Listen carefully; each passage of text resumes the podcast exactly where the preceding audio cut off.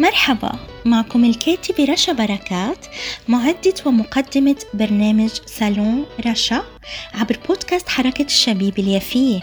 صالون رشا رح يكون صالون مفتوح لكل أنواع العناوين المحلية والعالمية واللي أكيد بتفيدنا.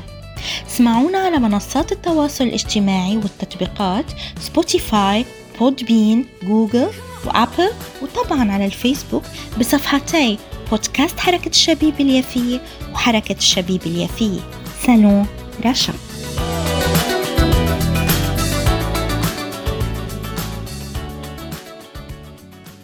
أهلا وسهلا بكم أعزائي محبي ومستمعي كل برامج بودكاست حركة الشبيبة اليافية أما اليوم بحلقتي فهي بعنوان كحل عربي.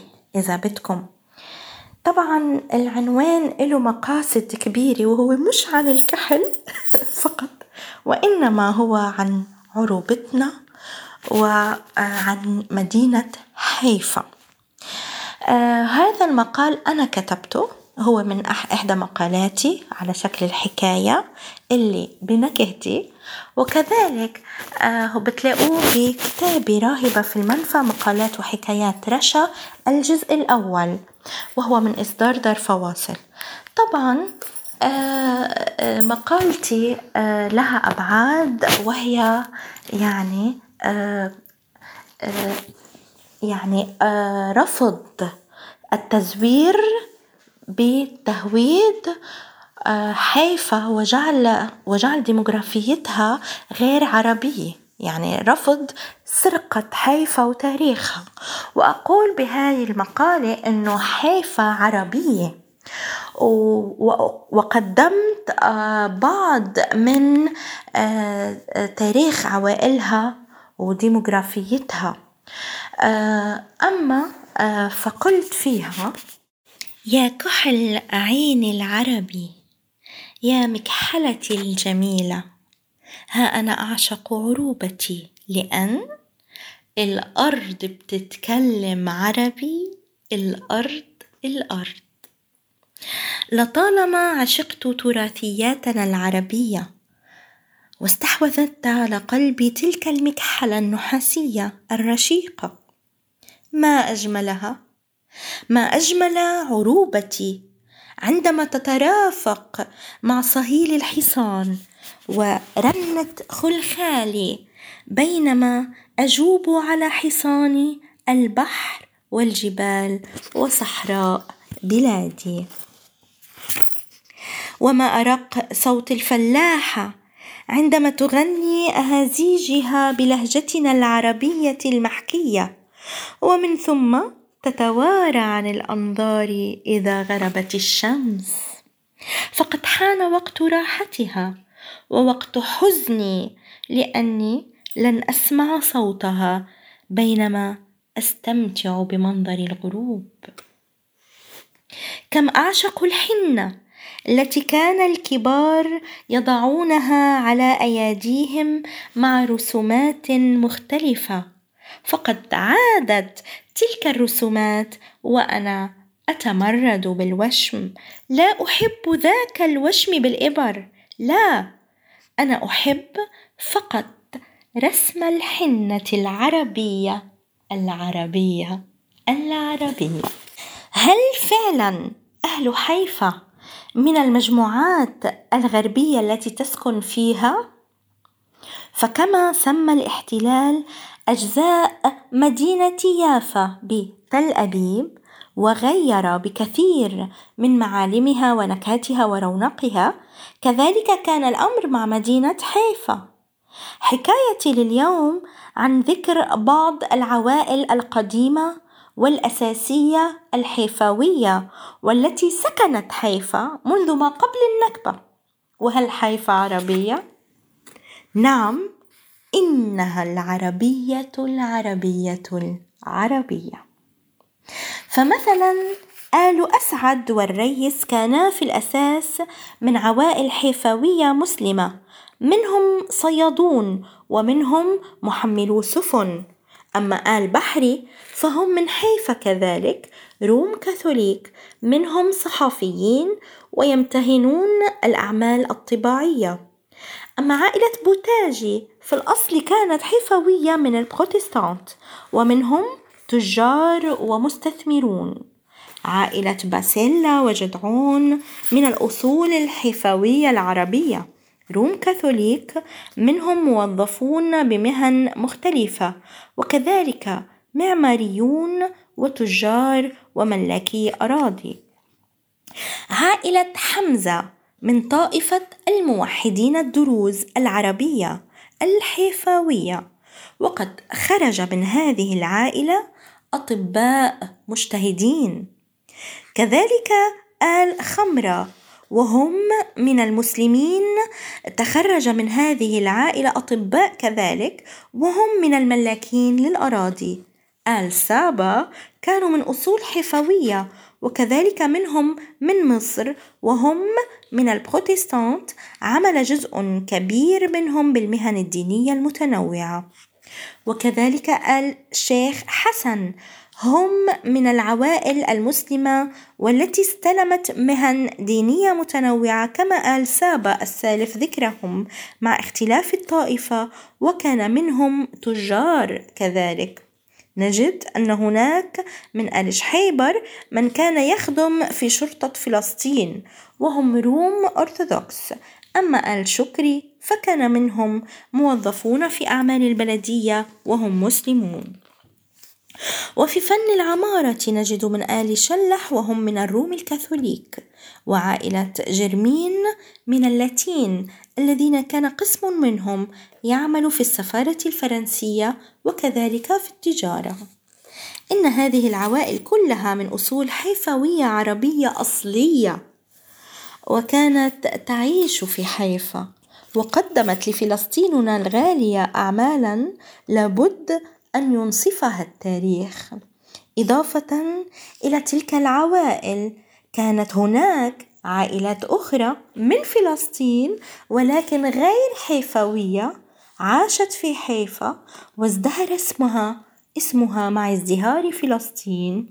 ومن بين تلك العوائل الحبش وهم في الأصل من القدس روم كاثوليك وكان قسم منهم موظفون حكوميون.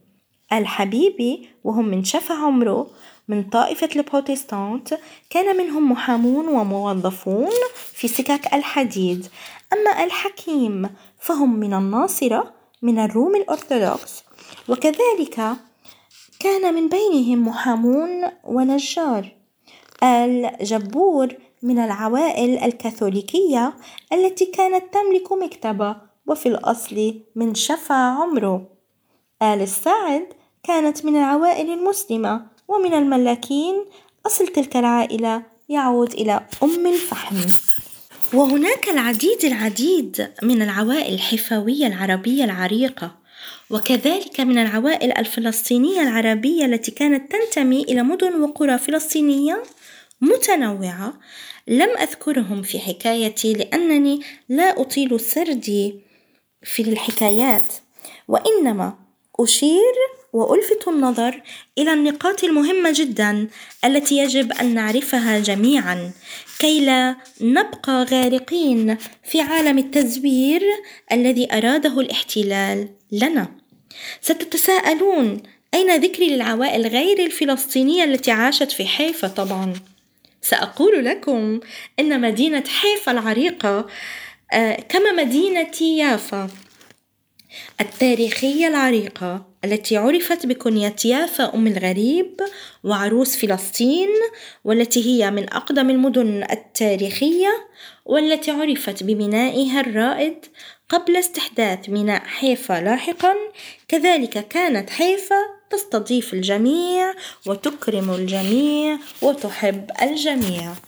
فمن بين تلك العوائل هناك آل شبيب الدمشقيين وهم مسلمون كانوا من التجار والملاكين كذلك في حيفا. أما آل سلامة فهم من العوائل اللبنانية المارونية وكان منهم موظف حكومي في سكك الحديد في حيفا.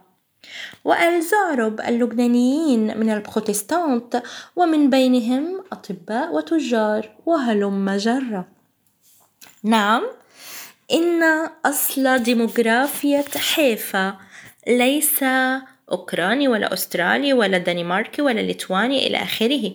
وقد ذكرت عن بعض تلك العوائل وبذكر طوائفهم عن قصد. لأبين كافة الحقائق وأكشف عن التزويرات. فلا حيفا غربية ولا يهودية صهيونية بل إن حيفا فلسطينية عربية. عاشقة النمو لكن الاحتلال جرف كنيتها وأضاع الكحل العربي فيها ومنها. فصارت عبارة عن متروبوليتان آه، لبيئات من بلدان من بلدان مختلفة تحاول أن تنصهر مع بعضها البعض على أراضينا التي سرقتها وفي بيوتنا السليبة. بالمناسبة أنا لا أكتب حكاياتي تلك سوى عبر مراجع ثمينة ودقيقة ومنها من سلسلة مدننا الفلسطينية ومن إصدارات مؤسستنا الكريمة مؤسسة الدراسات الفلسطينية. ثقوا أن من يطالب بالحق لن يكون لن تكون حكاياته سوى حكايات تعانق القداسة بالموضوعية. والدقة والتمحيص إنها أبحاث للدفاع عن حقوقنا والمطالبة بكسر هذا الحاجز المذل لكل المفاهيم والمعايير الإنسانية. نعم، إن الأرض عربية، فاستعيدي يا حيفا مكحلتك العربية، استعيدي الكحل العربي.